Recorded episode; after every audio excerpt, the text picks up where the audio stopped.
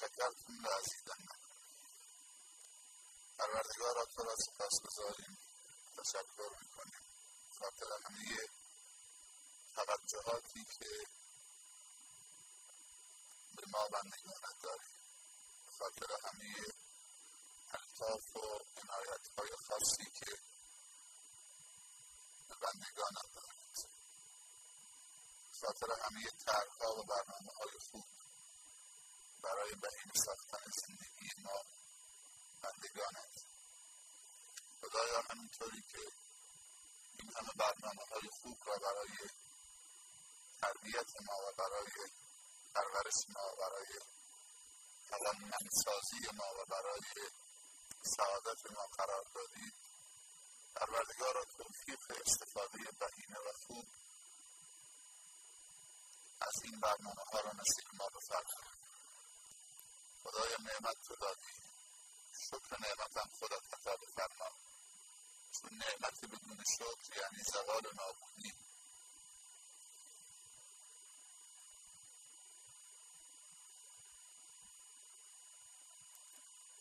همچنین خداوند بسیار سپاس گذاریم و تشکر می‌کنیم. به خاطر توفیقی که حاصل شد بتوانیم در این جمع مبارک حضور به هم برسان جمع خدایی جمع ربانی جمع معنوی. اون هم در آخر زمان که فتنه از همه طرف هایش را بر بشریت افکنده است و تاریکی ها از همه طرف در تعقیب نور و روشنایی ها هستند. در عصر فتنه و زمان فتنه عصر زمانی که فتنه هم مدرن شده پیشرفته شده فساد پیشرفته شده. ارتباط فاسدین و مفسدین و ملحدین با خلق خدا کمتر از چشم هم زدن شده. فتنه هایی که در گذشته آبا و اجداد ما نمی شناختن فسادهایی که و انحرافات فکری و اخلاقی که تا یکی دو سه دهه گذشته خبری ازش نبود. امروز دامنگیر جوانهای ما شده. دامنگیر زنهای ما شده. خواهرای ما شده. واقعا توفیقی بزرگ است که انسان بتواند چنین جمعهای بزرگی گرد هماهی های بزرگ و ارزشمند معنوی و ربانی در عصر و زمان فتنه برگزار کنند. و این توفیقی بس بزرگ هست. و این کار از بنده ساخته نیست مگر اینکه الله نصرت کند. و تا هجرت به خاطر خدا نباشد نصرت هم حاصل نمی شود تا ما نیت خیر نکنیم و قدم خیر بر نداریم خداوند جامعه ما را متغیر و متحول نمی سازد ان الله لا یغیر ما بقوم حتی یغیروا ما بانفسهم ما باید نیت خیر بکنیم و قدم خیر برداریم تا خداوند از ما حمایت بکند. برای اینکه نیت خیر داشته باشیم هم باید باز هم باید از الله رو طلبیم که خدایا دلهای ما را از هر سو به سوی خودت برمیگردان نیتهای ما را تصدیق فرما تفکرات و اندیشه های ما را مثبت بگردان. همش دست خودشه. قلوب العباد بین اصبعین من اصابع الله. یقلبها کیف شاء. دلهای بندگان خدا بین دو انگشتان خداست. هر طوری که دوست دارد میچرخاند. خدایا از میان این همه بندگان.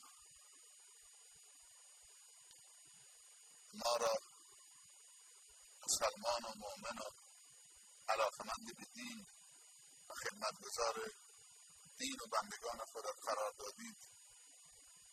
جای بس شکر است. درست پاسگزاریم که ما را دوست خود قرار دادید. اگر ما را به عنوان دوست نمی پذیرفتید ما در زمره دشمنان شما بودیم یا باید دوست باشیم یا باید دشمن باشیم. یا دوست خدا یا دشمن خدا. چقدر از این بابت باید الله رو تشکر می‌کنیم. دشمن خدا نشدیم. فرعون صفت نشدیم. نمرود صفت نشدیم. ابو جهل و ابو لحب صفت نشدیم و چقدر خواهرای ما باید تشکر بکنن که ام جمیل صفت نشدن.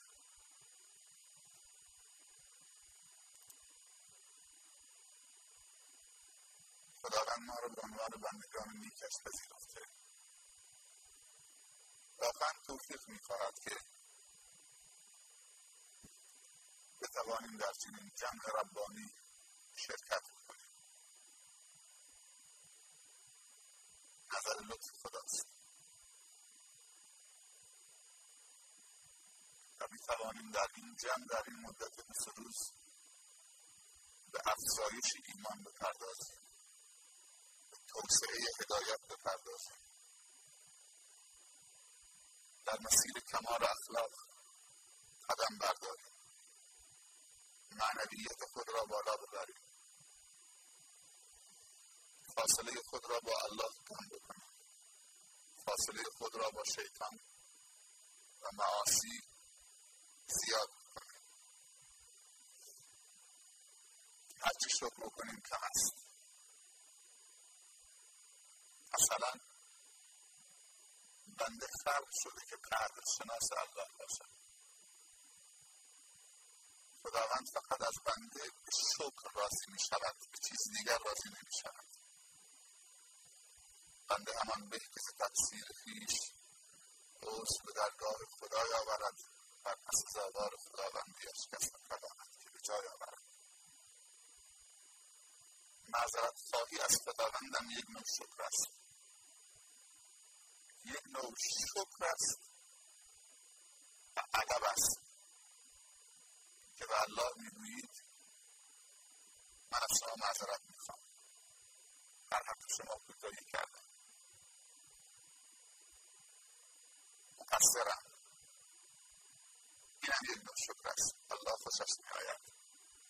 که بندی بگوید معذرت می‌خواهم. از کوتاهی و تقصیرات ما در الله خیلی بزرگوار است. تصور ما نسبت به الله باید مثبت باشد درست باشد. طرف مقابل را باید شناخت. طرف ما الله هست.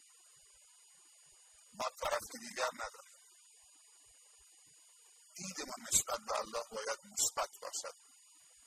تصور ما تفکر ما نسبت به الله حتما باید درست و صحیح باشد.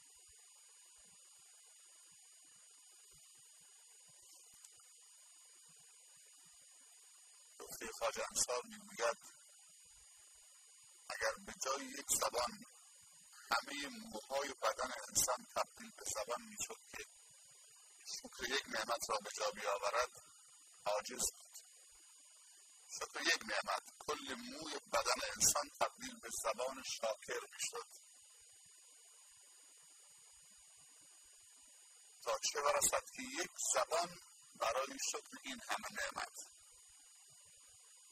بنده همان به که تفسیر خیش عضو به درگاه خدا آورد ورنه سزاوار خداوندیش کس نتواند که به جای آورد. الله اون قدر بزرگواری که با شکر کم از ما راضی می شود. فقط نیتت خدایی باشه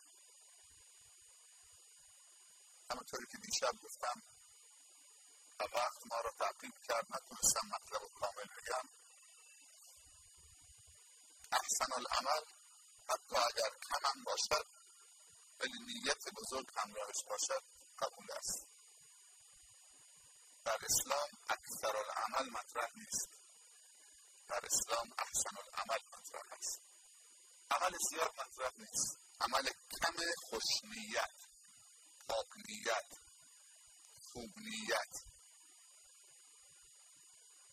تا اگر میلیون تومان برگه اسکناس دو هزار تومنی قلابی داشته باشید. یک شکلات هم بهتون نمیدن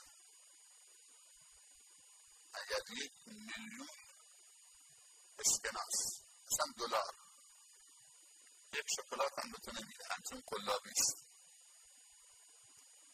اما اگر یک پنجاه تومنی پاره پاره خیلی اصلی باشه. خیلی چیزا بهتون میگن. و اصالت بنده در اعمالش زمانی هست که نیت انسان و مقصد انسان خدایی باشد. وقتی که در کارها نیت خدایی شد مهر قبول زده می شود چون به خاطر خداست.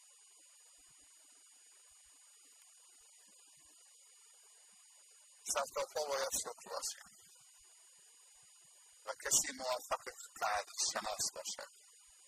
و قدر شناسی سبب می شود که خیر و برکت از همه طرف سرازیر می شود.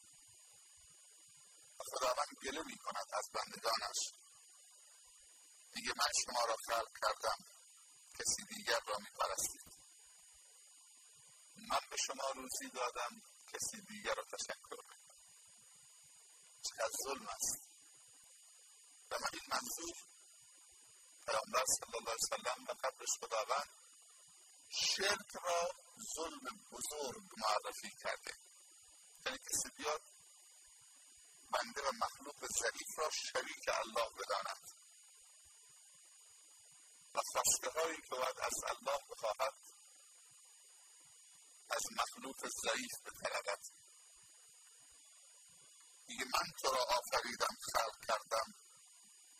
کسی دیگر را پرستش می‌کنید یا بنی لا تشرک بالله. این الشرک لظلم عظیم. ای فرزندم. حق خدا را به خلق خدا مده. شرک یعنی یعنی مخلوق عاجز ناتوان ضعیف در مقابل خدا قرار دادن. حق خدا مال خداست. عبادت و مال الله ملک الله؟ ویژه الله خاص الله. و این ظلم بزرگی است که جبران نمی شود ان الله لا یغفر ان یشرک به و یغفر ما دون ذلک لمن یشاء.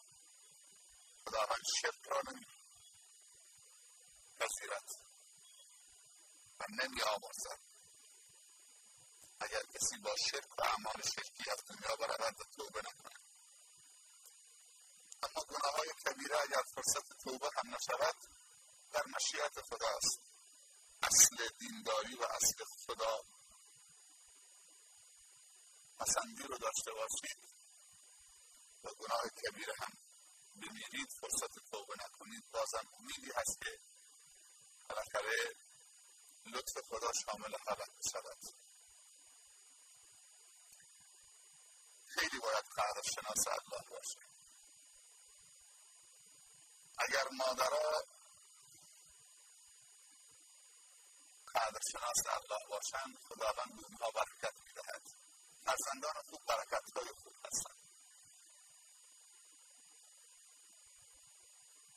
خوشترین و بهترین و کاملترین میوه زندگی دنیای انسان فرزند صالح است. هیچ میوی خوشتر و هیچ میوی زیباتر و خوشرنگتر و خوشتمتر و خوشمزه تر است. فرزند صالح برای پدر و مادر چیزی دیگر نیست. کی این میوه نصیب انسان می شود زمانی که درخت سالم باشد. پدر و مادر سالم باشد. با تقوا و با, با خدا باشد. مؤمن و متدین باشد. عالم و فاصل باشد. ایمان به روز آخرت داشته باشد. باور بکنید هیچ توش نیست. یک فرزند عالم فاضل حافظ آگاه بیدار مطلع به زمین و زمان دنیا و آخرت به ماده و معنا. انسان داشته باشد که بندگان خدا از فرزند انسان استفاده بکنن چقدر انسان خوش میشه. و این ممکن نیست مگر اینکه مادر خوب باشد. اول باید مادر خوب باشد چون به بچه شیر می‌دهد و قبل از شیر به بچه خود می‌دهد.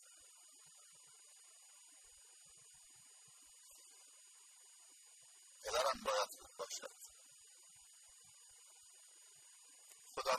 رو در قرآن کریم میفرمایند. أعوذ بالله من الشیطان الرجیم إن اکرمکم عند الله اتقاکم إن اکرمکم عند الله اتقاکم اینجا صحبت از جنس نیست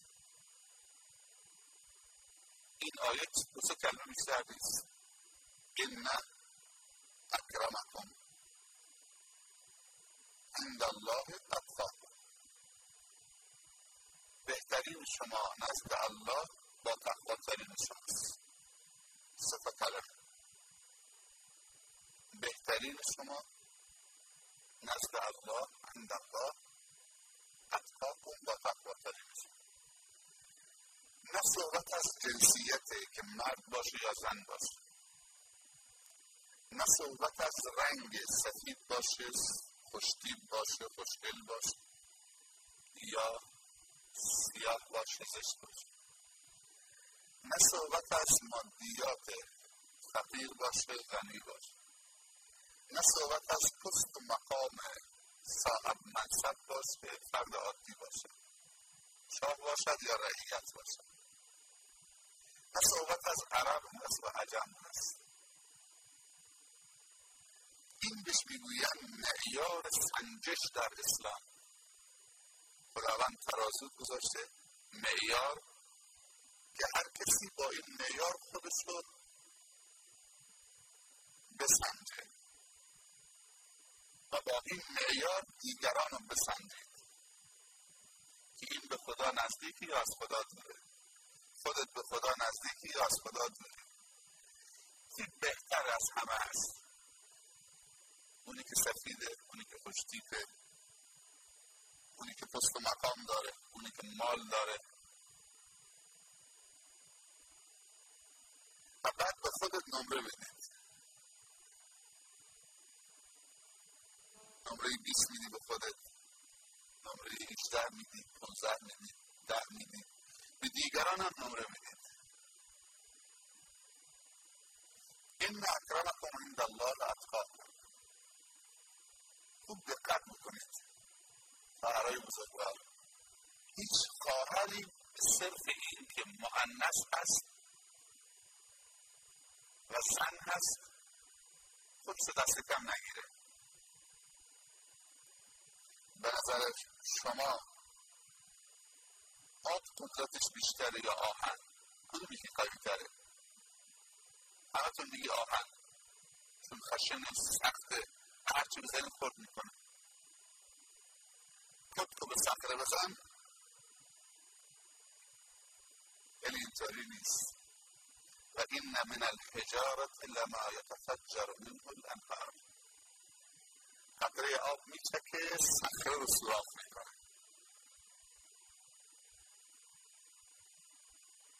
این آب خیلی ظریفه.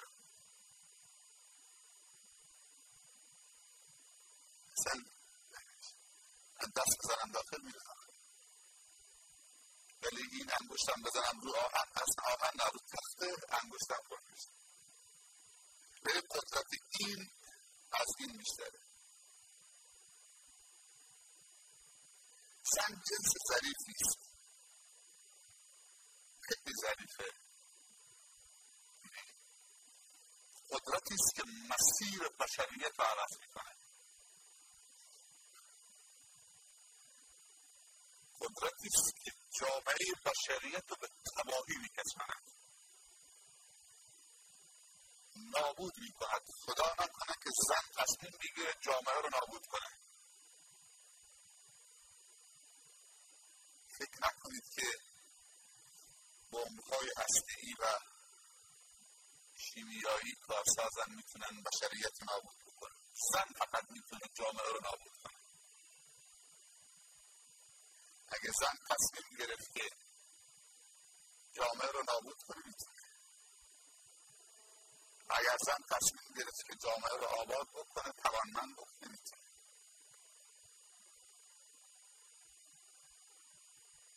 این مخلوق ضعیفی که کنیز مرده ما فکر می‌کنیم زن کنیز ماست.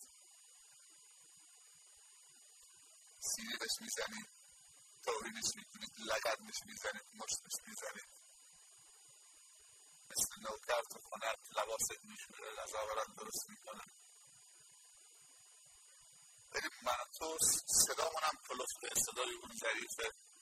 گپ می‌زنیم غرش می‌کنیم مثل شیر. ولی اینو باید بدونید که همین مخلوق ظریف فکر است می‌تونه بچه های تو رو فاسد بکنه.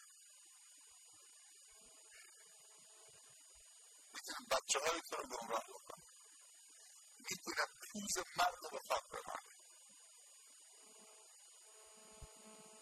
ولی وقتی هم که زن مؤمنه میشه فاضله میشه با شرم و حیا میشه مربیه میشه معلمه میشه عالمه و فاضله میشه نگاه کن که چقدر خدمت به جامعه می‌کند نزد خدا و نزد الله و در فرهنگ قرآنی و دینی ما و فرمایشات نبوی صلی الله علیه وسلم جنس مطرح نیست. و در کلام انبیا همشون فرد و شخص مطرح نیست. عمل از شخص صادر می شود اون مطرحه حالا مهم نیست که اون عمل از زن صادر بشود از جوان صادر بشود از تاجر صادر بشود از پیر از پادشاه از گدا. از دختر از پسر. خود عمل ارزیابی میشه و از خلال عمل شخص شناسایی می شود چه کاره هست به همین محضور در اسلام توهین به شخص معین درست نیست. لعنت درست نیست. بلکه ادب این است که بدونیم این عمل زشت است. چون هر لحظه احتمال داره همون کسی که عمل زشت می‌کنه توبه بکنه عمل خوب بکنه. تا لعنتش کرده. در اسلام باید عمل رو توبیخ بکنیم. این عمل زشت است این عمل زیباست.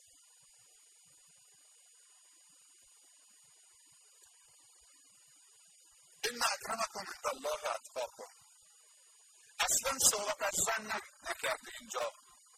و نگفته که نزدیکترین کسان به الله مردان با تقوا هستند نگفته.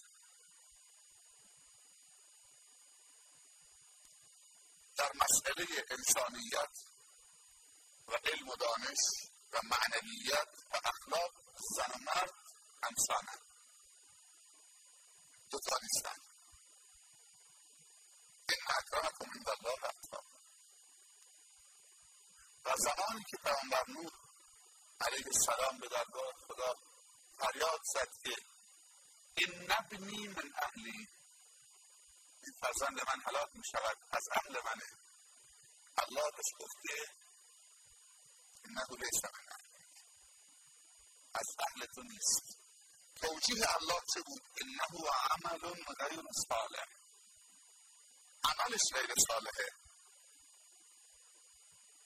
ما کاری نداریم که پسر تو باشد فرزند تو باشد یا نباشد.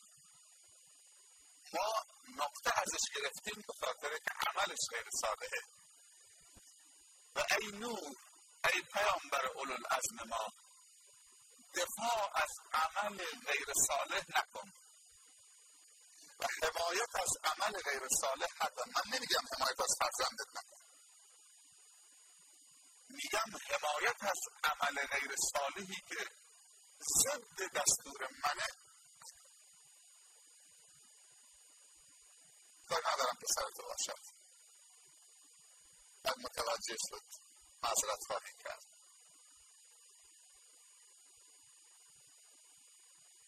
پس در اسلام فرهنگ عمل هست. حالا این عمل صالح و احسن العملی که دیشب گفتم اگر زن خودش رو بهش نزدیک کرد زن میشه فاصله مؤمنه. اگر مرد خودش رو به احسن العمل نزدیک کرد مرد میشه فاضل. با تقوا. صاحب نفس مطمئنه. اگر دختر جوان خودش رو به عمل صالح نزدیک می‌کرد نزدیک کرد این اکرمکم شد این الله اتقاکم و اگر پسر جوان اگر پسر تاجر پسر فقیر مرد توانا مرد زیبا زن زیبا هر کسی. بلال خودش رو به عمل صالح نزدیک کرد سیدنا بلال شد. ابو جهل قرشی خودش از عمل صالح دور کرد ابو جهل لعین شد.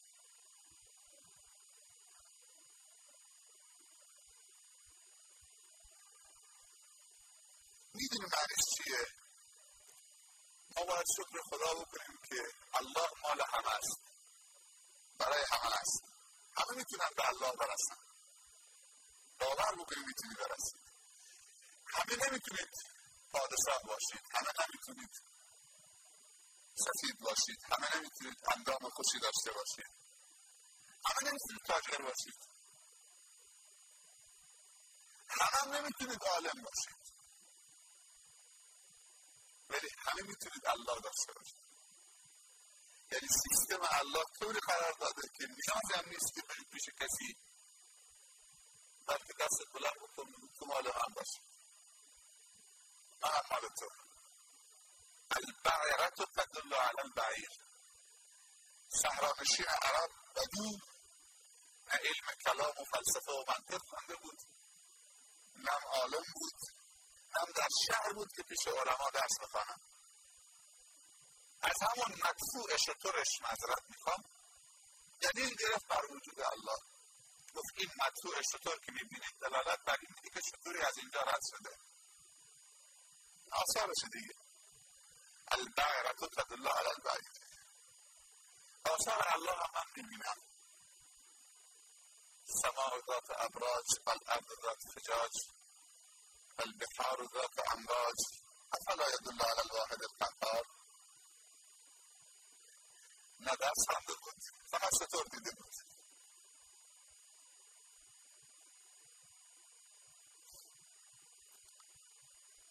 پس به صرف این که فلانی زن فلانی مرده مردا حق تعلیم دارن حق عالم شدن دارن. حق داوی شدن و دعوتگر شدن و حافظ قرآن شدن و تحصیلات عالی دارن. چون که فلانی دختره بعد باید شوهر بگیره بعد از اینکه شوهر گرفت باید زن خاندار بشه بره تو آشپزخانه تو مطبخ غذا بپزه بره تو حمام لباس مردش بشوره تو حیات خانه و اتاقها جارو بکنه اتو بکنه فلان بکنه آشپزی بکنه. زن برای این کار ساخته شده تمام دارد زنی که می‌خواد شوهر بگیره بعد خاندار بشه کار خونه بکنه آشپزی بکنه چه لازم داره که بره عالم بشه که بره حافظ قرآن بشه.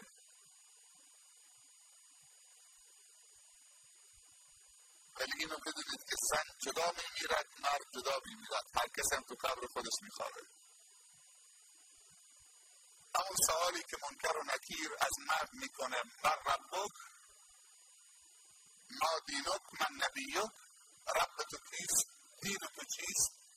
نبی تو کیست؟ همون سوال از زنم می‌کنه. تو قبرش از پادشاه می‌کنه از پدر هم می‌کنه. چه باید همه در دل خاک رفت. خوشا آن که پاک آمد و پاک رفت. از شوهر سوال نمی‌کنه که زن تو ربش کیه؟ ممکن از خودش سوال می‌کنه. از خودش باید جواب آماده بکنه. خدمت شوهر کردن غذا درست کردن لباس شستن یه بس زادونه است. الام مدرسة اذا اعددتها اعددت نسلا طیب الاعراب مادر مدرسه است عرب می‌گوید. خود مادر مدرسه است که اگر این مدرسه را ساختی نسل آینده دارای ریشه خیلی محکمی خواهد شد. ریشهش خیلی قوی ثابت. هیچ بادی نمی‌تواند اونا برساند اگر به مادر پرداخته شد و اگر ما تلاش کردیم که در آینده مادران خوبی تربیت بکنیم نسل آینده نسل خوبی خواهد مشکلی که تا اینجا ما داشتیم مادران خوب نداشتیم. یعنی امت اسلامی مادر خوب نداشت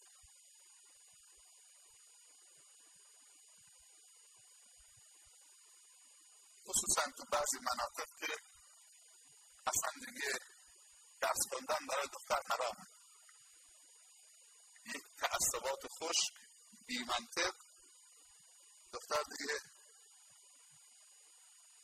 حتی درس دینی نمیفرستن مدارس دینی چون تحصیل علوم دینی هم خطرت می‌خواد دیگه. از خراسان بلند بشود یک دختری باید اینجا. از بندر عباسی که بلند بشود یک دختر جوان خود بیاید اینجا. بعضی موقع تعصبات دینی و مذهبی خوش سبب می شود این ظلم به مادران آینده بشود. تا چه برسد درس دولتی بخواهند دختر برود دانشگاه. کسی اجازه نمی‌دهد؟ اگر اجازه بدهند که پنجم ابتدایی بخواند خیلی هنر کردن دختر برود دانشگاه پزشک بشود. ماما بشود مدیر بشود مهندس بشود. این ننگ است. دختر فقط باید چادر سیاه بپوشد صورتش هم نقاب بزند دست هم دست کرد هیچ کسی رو نبیند. پستی خانه بنشیند. بعد میگیم حالا ای مادر خوش حجاب بی سواد معنیش اینه ای مادر چادر سیاه و با نقاب بی سواد بچه ما رو تربیت کن.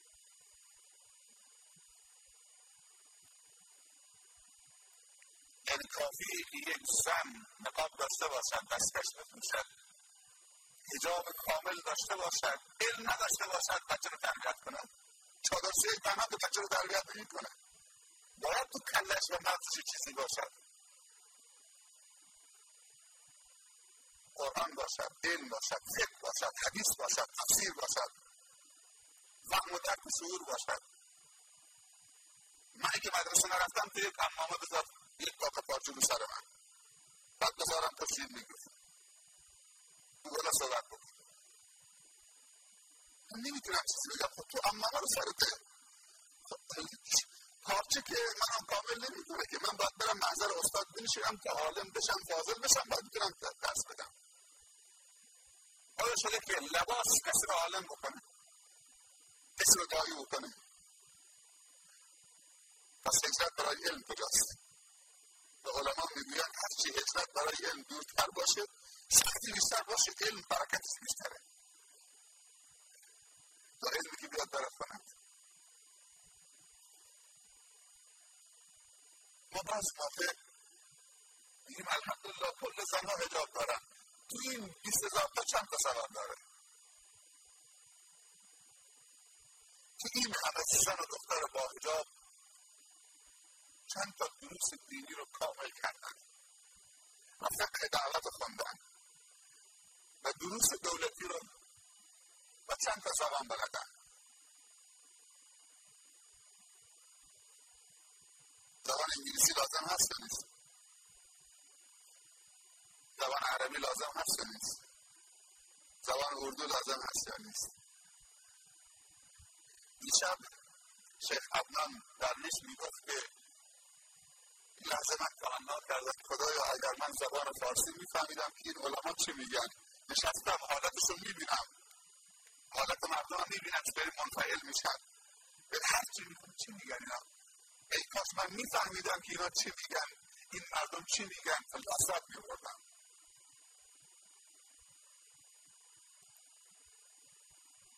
دخترم باید بره درس زبان انگلیسی زبان عربی. اگه همسر انسان یک حافظ قرآن باشد یک فقیه باشد یک مفسر باشد یک دانی و متفکر بزرگ باشد از اون طرف دو تا زبان هم بلد باشد. هم می شود همسر خوب هم می شود مادر خوب هم می شود دختر خوب هم می شود خواهر خوب. چون یک زن چهار تاست دیگه. برادر داره پدر داره فرزند داره شوهرم داره. میشه همسر خوب برای شوهرش دختر خوب برای پدرش خواهر خوب برای برادرش.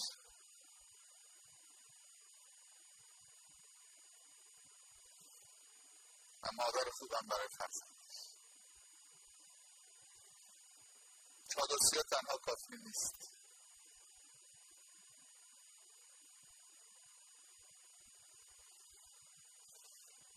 ما چقدر نماز خون داریم. یعنی اگر جمعیت دیشب حساب می کردیم ولی توی این نماز چند تاشون عالمن می‌تونن کاری برای دین بکنن. می‌تونن کاری برای خلق خدا بکنن.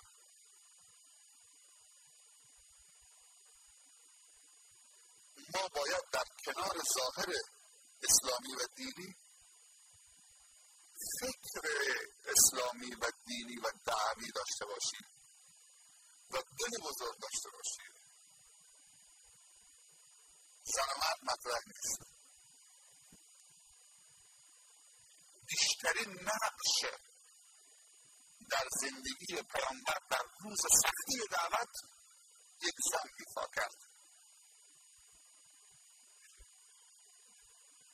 و اون زن کسی جز خدیجه ام المؤمنین نبود.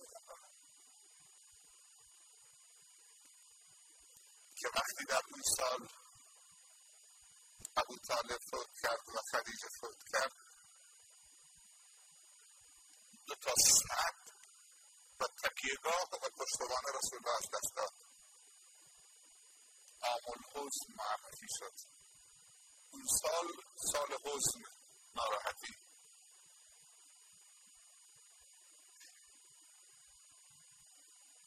یک زن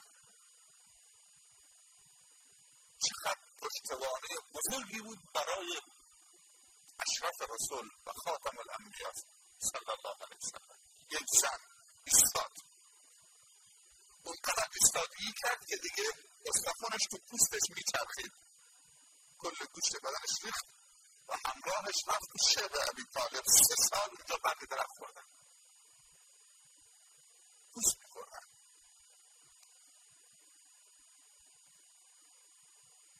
قریش قاصد فرستاد خدیجه تو بزرگ قریشی. تو از اشراف قریشی تو صاحب منصبید برای تو خیلی زشت است که سر و سر این کسی که آمده گذشته ما را داره. زیر سوال می‌بره. خدایان ما را داره زیر سوال می‌بره. باورهای ما را زیر سوال می‌بره تابعین بشید تو الان مریضی؟ اگه دستور بدید دست از دین محمد بکشید ما از اشراف قریش جوانا را جمع می‌کنیم تختی رو سر بگذارن بیان تو شعب عبی طالب تو رو تخت بذارن بیان تو قصر مکه جا بدن.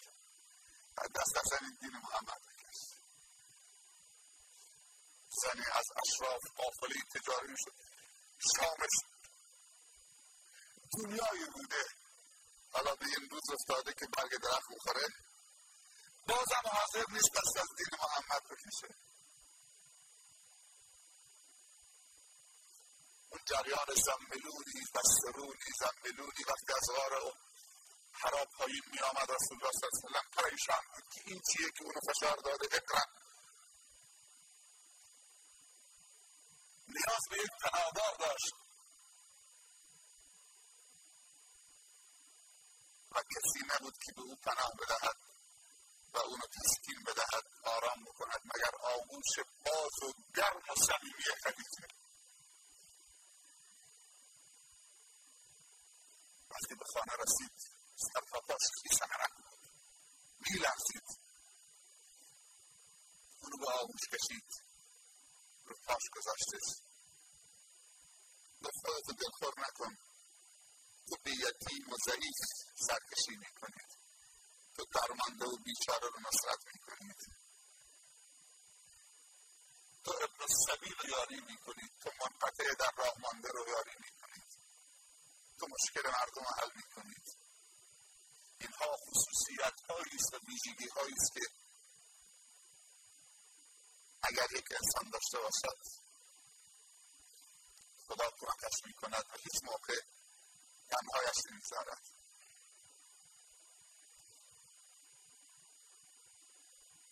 اینها صفت های ویژه انسان های ربانی و خدایی هست و همونطور هم شد. آرامش کرد. در بعضی روایات آمده در سیرت که وقتی آمد اونطوری حیرت زده و ترسان و لرزان بود می‌گفت که منو بکشید توی یک لفافه ای توی یک پتوی لحافی چادری. زملونی دسترونی. خدیجه اونو تحویل گرفت رضی الله عنها. گفت بیا این زن عاقل. خواهرها اینجا خوب دقت بکنن. که یک مرد عالم و دعوتگر چقدر نیاز به یک همسر خوب دارد که در کنارش بیستد. گفت من آزمایش می‌کنم. این کسی که تو رو فشار داده آمده پیش تو شیطانه یا ملکه. گفت بیا بشین تو روی پای من پای راست من راه من نشست. گفت حالا میبینیدش؟ گفت بله میبینمش. گفت بیا بشین رو پای چپ من. گفت حالا میبیندش گفت میبینمش گفت بیا بشین تو آغوش من دستت بذار دور گردنم. و چادرش انداخت. حالا میبیندش. گفت نه رفت. گفت این فرشته است. وقتی که تو تو این حالت به من نزدیک شدید خجالت کشید رفت بیرون. اگر شیطان بود مینشست نگاه می‌کرد. تو باید آرامش کرد. شیطان دوست داره که زن مرد مثلا چادر رو سرش نباشه تو بغل هم باشد. تماشا بکنه.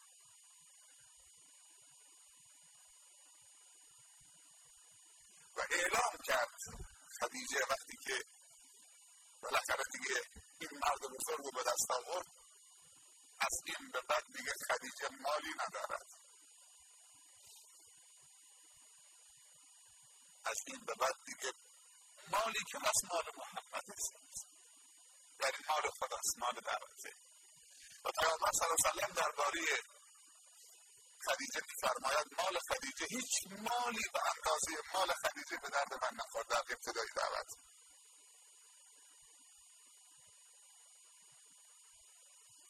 چه از نظر حمایت معنوی و موقعیت اجتماعیش؟ و وقتی که خدیجه فوت کرد کفار قریش روشون باز شد. شریک شدن. اون موقع شرمی داشتن که هم خدیجه بود هم هم طالب بود. بالاخره وقتی که خدیجه رفت وقتی یک زن این همه ایثارگری می‌کنه حق داره که فاطمه دخترش باشه. حق داره.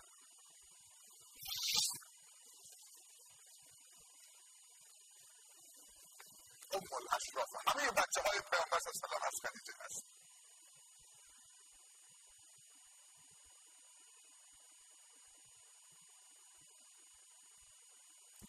در فرهنگ اسلامی الله تبعیض قائل نشده بین زن و مرد الله الله گفته که من انسان آفریدم و این انسان دو گروه دو تا قسمته اینا بندگان منم زنه و مرده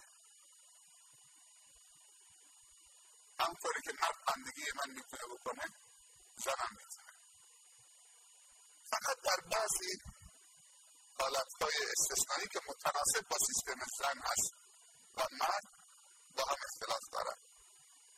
اما در هیچ چیزی دیگر با هم اختلاف ندارن.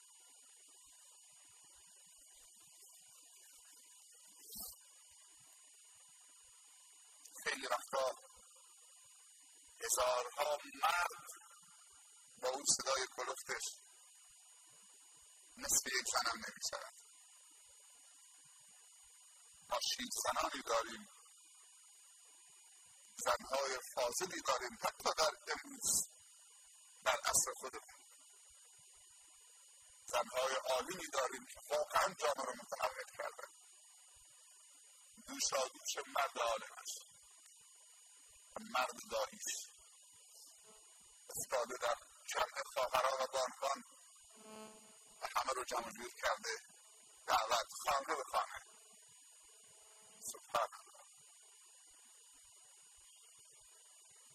خیلی ظلم در حق زن که بعضی موقع وقتی می‌خوان مرد رو تحقیر بکنن بهش میگن تو از زنم پس داری شنیدی چون؟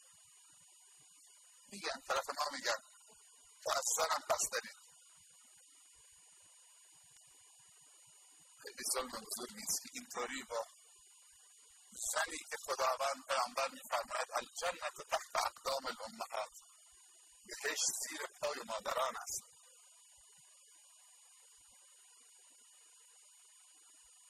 یا میشنوید که میگن زن شیطان است. اعوذ بالله زن شیطان است. پس من این سوال می‌خوام بکنم تو با شیطان ازدواج کردی؟ اگه زن شیطان است پس تو همسر شیطانی داری؟ چطوری راضی شدی با شیطان ازدواج کنی؟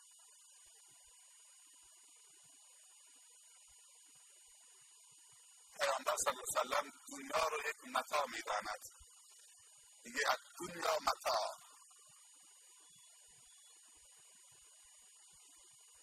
و خیر متاع الدنیا المرأة الصالحة بهترین نعمت دنیا و خوشی دنیا و سعادت دنیا و خوبی دنیا و کالای دنیا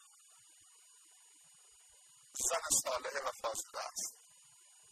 یعنی هیچ نعمتی برای مرد مؤمن کاملتر و بهتر از همسر صالح مطیع هم فکر هم دل همراه در زندگی دنیوی و اخروی وجود ندارد.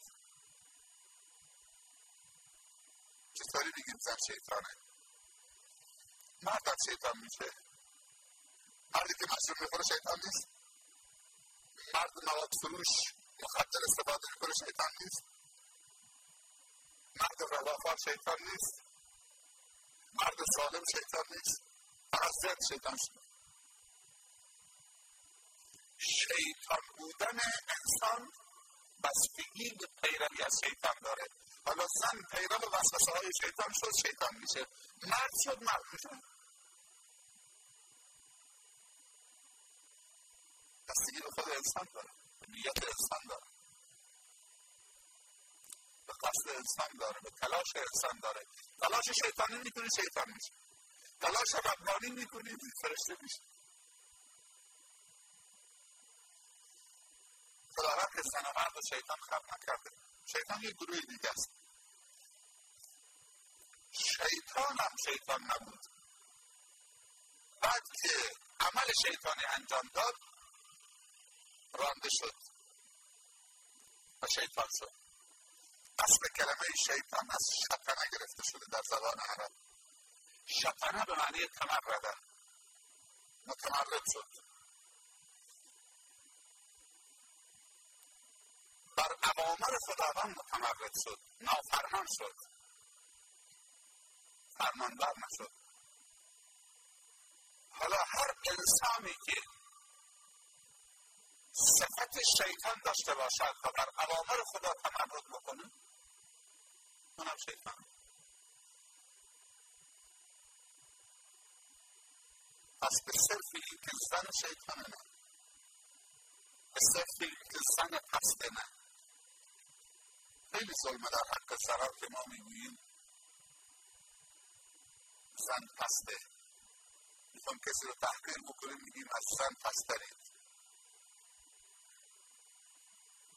زنهایی سراغ داریم که پنج تا دایی و فاصل و حافظ قرآن و تحصیل کرده دنیای تحصیلات عالی درست کرده تحویل جامعه داره. یک زن هم نیست. درست هم سواد نداره مادرهای سراغ داریم که پنج تا دانشجو داره. همشون هم اهل دینه.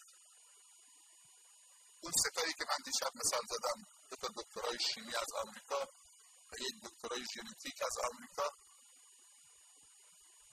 یه مادر مؤمنی دارن. این مادرشون یک مادر خیلی با محبتیه خیلی علما رو دوست داره. اکرام می‌کنه.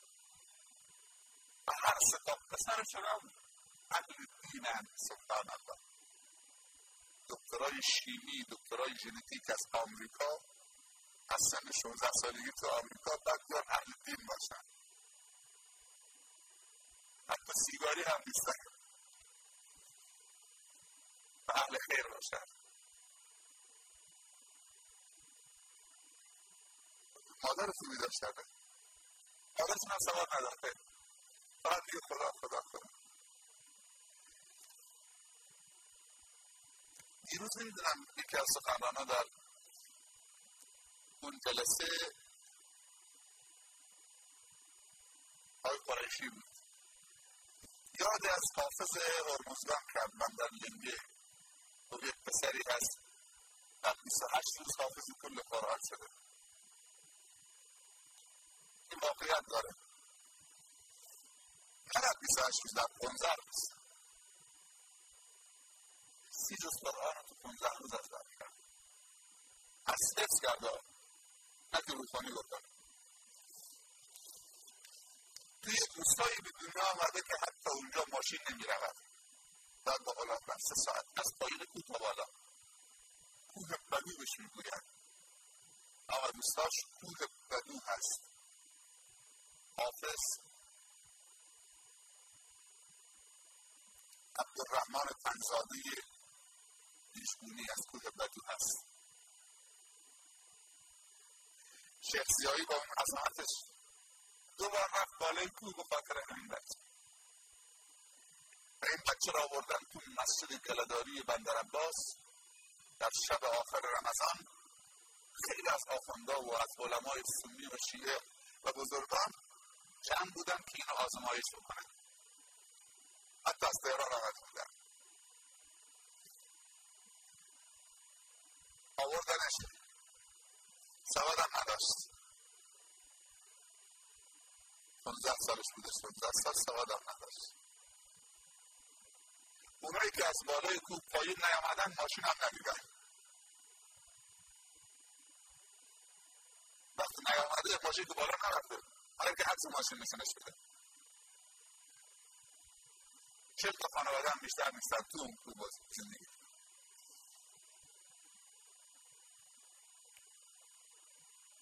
بعد یکی یکی سوال کردن. شروع کرد به جواب دادن و می‌خونه. بعد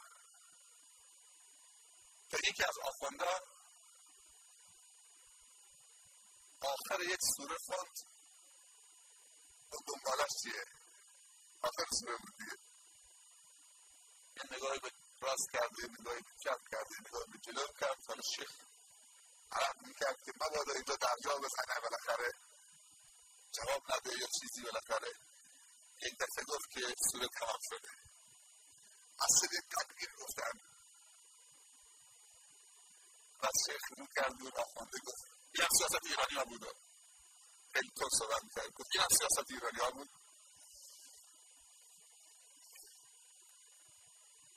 بعد شیخ بهش گفته بود اگر من زنده بمانم هر سال میام بالا.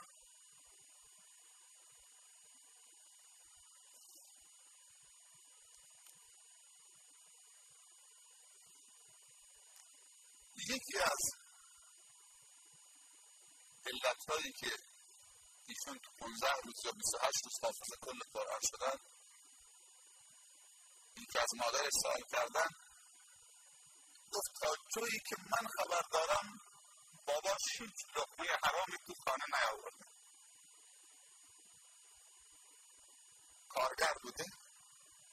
و قسمش می‌دادن که مرد این لقمه از کجا آورده و هیچ موقع شیر بدون وضوع به این بچه ندادن.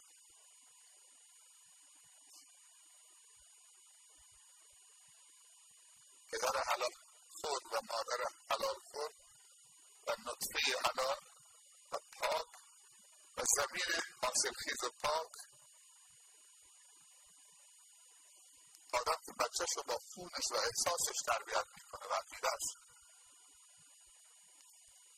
لولی به اسم لولی ناف زمانی که بچه جنین تو شکم مادر لولی ناف بچه و مادر به هم وصله از اونجا خون مادر بچه رو تغذیه می‌کنه. ما میگیم خون. خون نیست. این احساس مادره. این تفکر مادره. این تقوای مادره. این اخلاق مادره. همش تو این خاصیت خون مادر اینه. در کنار این که غذاست ویژگی های و خصوصیات و تفکرات و روح و روان مادر تو همون خون هست. که بچه میشه. و بعد وقتی بچه به دنیا میاد روزش از اونجا قطع میشه. شیر مادر دوباره همون خاصیت داره. این شیر نیست که بچه بزرگ بکنه. این احساس مادره. تقوای مادره که توسط شیر به بچه وارد میشه به دهان و بچه وارد میشه. پسر خاله من آشپز بود تو مدرسه خمیر تبلیغی عبدالرزاق نورانی بهش میگه. این خیلی به اونا نزدیک بود درباره این حافظ تعریف می‌کرد. و منم یه خاطری دارم چون دو بار رفتم دوست داشتم همون کوه بدی. یه شب با هم رفتیم که بریم ها منطقه شب شد. این با ماشین ما بود همین پسر حافظ عبدالرحمن. یک دفعه راه گم کردیم نزدیک روستای خودش. پیش کوه راه گم کردیم تو 15 روز یا 28 روز حافظ کل قرآن میشه. اصلا در تاریخ نداریم. شش ماهه داشتیم سه ماهه داشتیم دو ماه هم داریم حافظ ولی روز دو جز حفظ کنه نداریم. علمای بزرگ برد به همون کوه. ما دیگه تو منطقه خودمون تو جنوب از شیخ سید رحمت الله علیه بزرگتر نداشتیم. به خاطر یک بچه خردسالی که با قرآن بزرگ شده شیخ برد بالا. و بعد ازش دعوت کرد تو مسجد. از شهر بندر عباس. ما کاری به این پسر نداریم. چیزی که فکر ما رو مسئول کرده مادر این پسره. و مادر اون پسر یک زن بوده.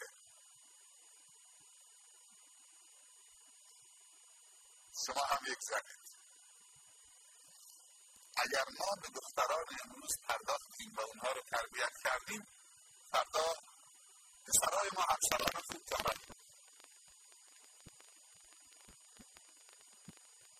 و فرزندان آینده ما مادران خوب دارند و جامعه آینده ما عالمان خوب دارند متفکران و اندیشمندان و بزرگان و رهبران سیاسی مذهبی علمی فکری خوب دارند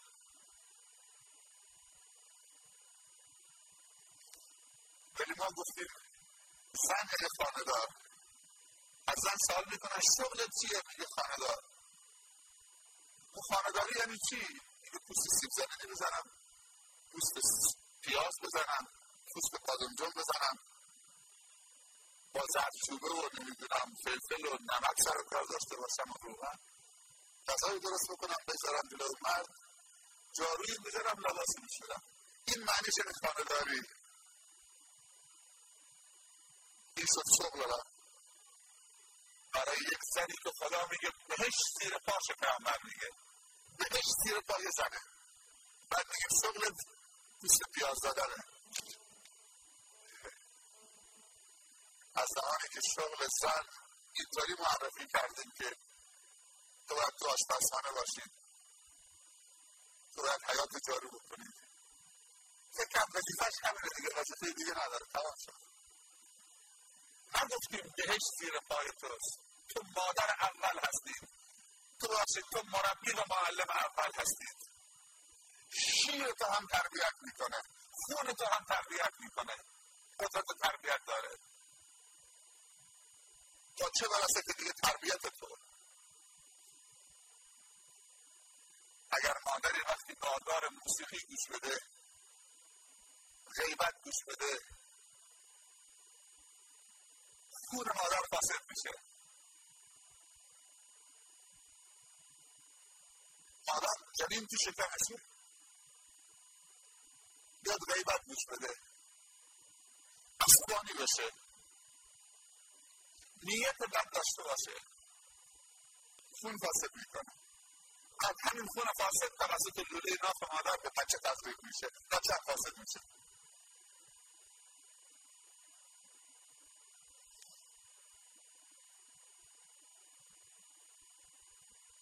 شیر مادر فاسد می‌کنه بچه رو فاسد می‌کنه.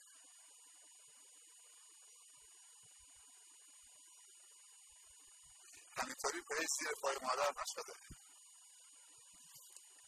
یعنی پای مادر کانالی است که بهش متصله یعنی کسانی که پادر داشتن باید از پای مادر حرکت کنن.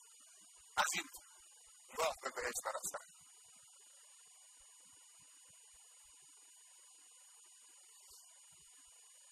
یعنی طوری استعمار مادرای ما و زنهای ما را مسئول کرده تو از بسخونه که اصلا دیگه فرصت تربیت نیست.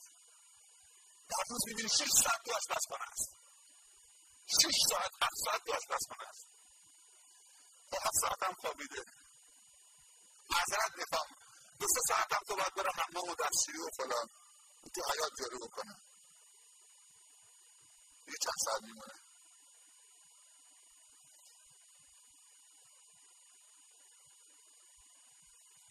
دیگه فرصت برای تربیت هست.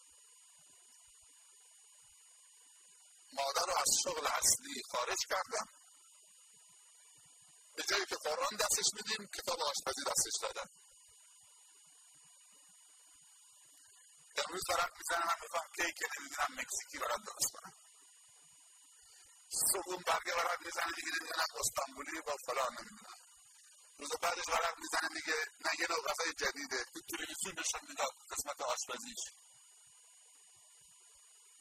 کتاب آشپزی بیشتر از قرآن می‌کنه آشپزی نوین آشپزی فلان آشپزی فلان آشپزی فلان. کی دیگه فرصت داره که دیگه قرآن مرد بزنه حدیث مرد بزنه؟ بتونه عالم بشه فاضل بشه دایی بشه بزرگ بشه.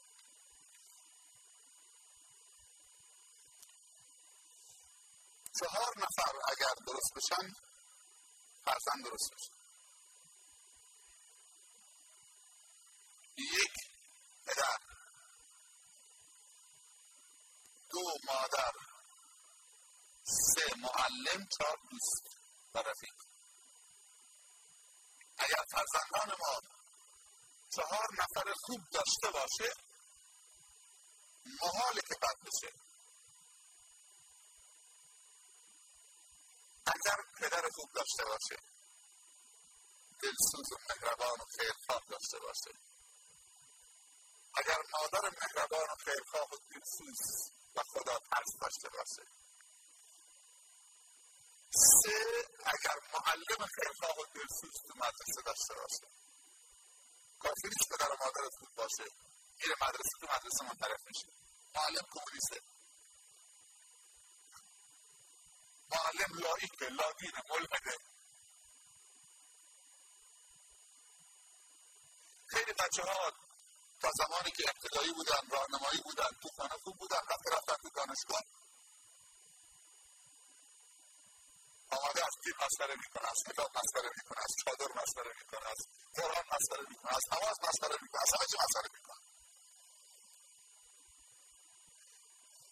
از کافی نیست که پدر و مادر خوب باشه باید معلمم خوب باشه. این ستا اگر خوب شدن باید فرزند خوب بشه نه. فرزند بیشترین هرچناوی از همسن سال خودش داره از دوستش داره.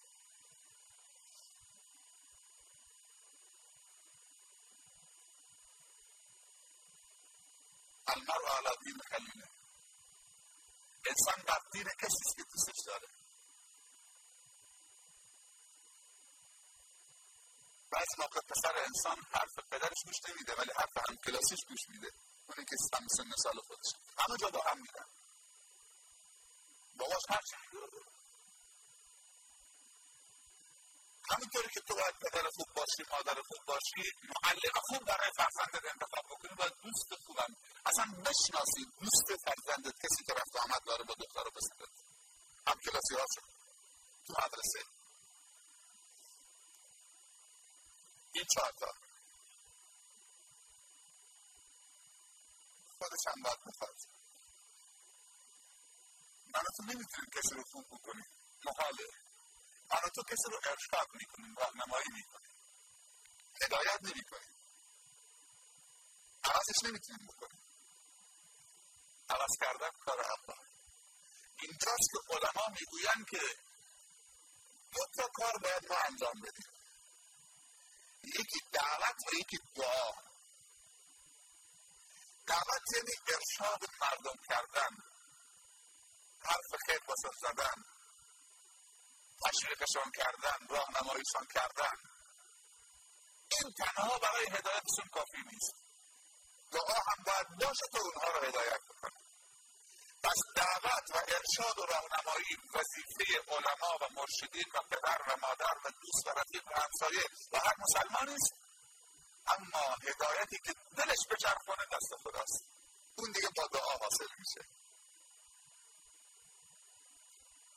دعای بدون دعوت به درد نمی‌خوره دعوت بدون دعا هم به درد نمی‌خوره. اونهایی که میگن ما دعوت نمی‌کنیم تلاش نمی‌کنیم کلاس و مدرسه کاری نداریم. فقط دعا می‌کنیم خدا هدایت بده. چه؟ می‌دونی مثل چیه؟ مثل کسی ازدواج نکرده میگه خدا بچه بده. تو ازدواج بده باید بچه بده.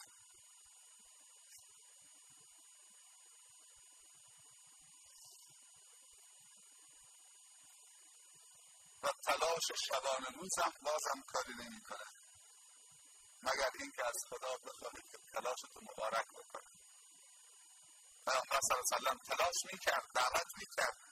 همه جا می‌رفت. بعدم دعا می‌کرد. اللهم اعز الاسلام و ارحم الامرین. خدایا اسلام را عزت ببخش با اسلام یکی از این دوتا عمرها. بعض موقع دستش بلند می‌کرد اون قرار دعا می‌کرد که دیگه غذاش و لنگش از رو کتفش میافتاد سفیدی زیر بغلش نمایان می‌شد. خبرش نمی‌شد لنگش میافتاد تا خدا یه چیزی رو انجام بده براش. یک کاری رو درست می‌کنه. یکی از حساس ترین دعاهاش بود دعا در غزوه بعد بود که رفت توی مطابقی براش درست کردن توی کپی که پوستش بلند کرد. به جایی که دیگه به الله گفت که بارلا اگر این سیصد نفر رو نصرت نکنی بعد از این دیگه روی زمین پرستش نمیشی. وعده ای که به من وعده دادی وعده کردی وعده. این تقصر الله ینصر خواهرای بزرگوار و محترم از هر کجا که آمدید خدا شما رو دست کم نگرفته و رسول شما رو دست کم نگرفته و قرآن و سنت و اسلام شما رو دست کم نگرفته. خودتون دست کم نگیرید. شما خیلی بزرگید بزرگترین خدمت رو می‌تونید به جامعه اسلامی بکنید. به بشریت بکنید. اگر شما در فکر تعلیم و تربیت باشید در جایی که باید دختر خوب باشید باید دختر خوب باشید. در جایی که باید همسر خوب باشید باید همسر خوب باشید. در جایی که خواهر خوب لازم دارید باید خواهر خوب باشید. در جایی که مادر خوب لازم دارید باید مادر خوب باشید. یک زن چهار نفره. بعضی موقع باید دختر خوب باشه. بعضی موقع باید خواهر خوب باشه. بعضی موقع باید همسر خوب باشه. بعضی موقع دیگه باید مادر باشه. و پیامبر صلی الله علیه وسلم صفت زن بهشتی را می‌گوید. می‌گوید زنی خوب است که عبادت خدا را به جا بیاورد حق خدا را ادا بکنه و حق مردش هم ادا بکنه. و حق فرزندش هم ادا بکنه. عبادت خدا به جا بیاورد. اگر شوهرش بهش نگاه کرد خوشحالش بکند. اگر شوهرش فرمان داد اطاعتش بکند. به جز در معصیت خدا. اگر شوهرش غایب شد مسافرت رفت. شوهرش در مالش و در فراشش حفظ بکند.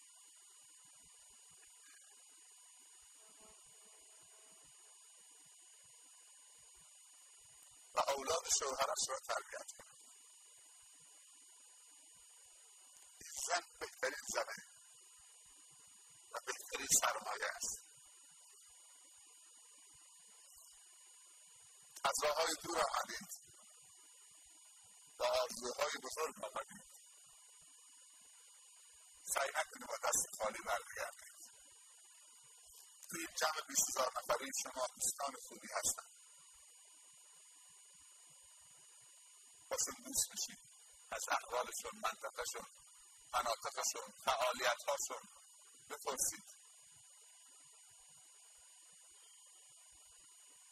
از هرمزگان امسال یک اتوبوس آمدن خواهر بندم تو جمع شما هست. آیشه گرده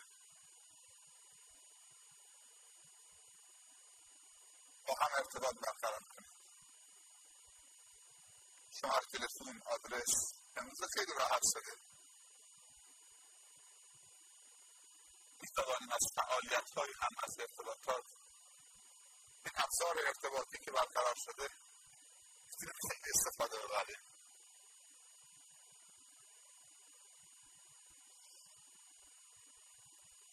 و دوش و دوش مردانتان حرکت کنید. و آلت دست شیطان و شیطان صفتها نباشید. ای زن مسلمان ابزاری برای نابودی مسلمانان نباش. اگر تو وظیفت را انجام ندی اگر تو مسئولیت پذیر نباشید دشمن خوشحال کردید و سرمایه ماندگار امت اسلامی که فرزندان مسلمان باشند را نابود کردید سرمایه امت اسلامی را برباد داده ای زن مسلمان.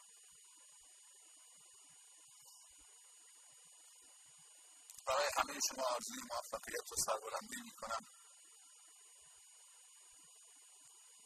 در همه کارها خاتمه خیر بشوید. التماس دعای خیر از همه شما دارم.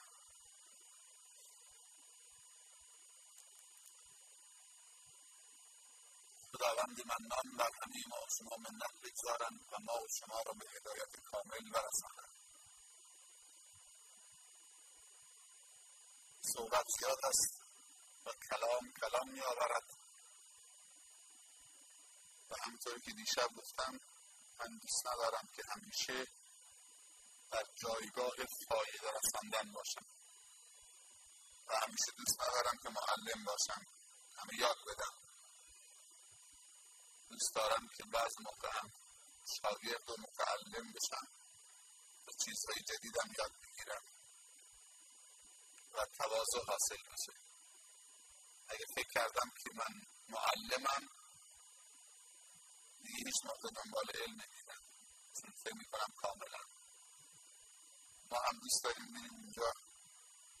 از محضر اساتید و بزرگانی که در جمع هستن و امروز صحبت دارن در ایدگاه استفاده بکنیم. پیش از این مصدق خاطر شوم به امید دیدار در جلسه بعدی نمی‌دانم کجا باشد در زاهدان باشد یا در جای دیگر باشد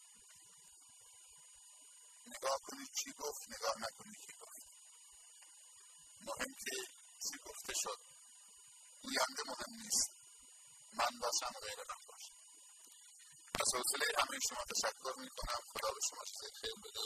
التماس دعای خیر داریم.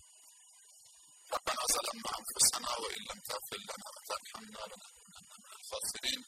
ربنا آتنا في الدنيا حسنة وفي الآخرة حسنة وقنا عذاب النار. اللهم اهدنا واهد بنا واجعلنا سببا لمن اهتدى. اللهم احسن خاتمتنا في الأمور كلها.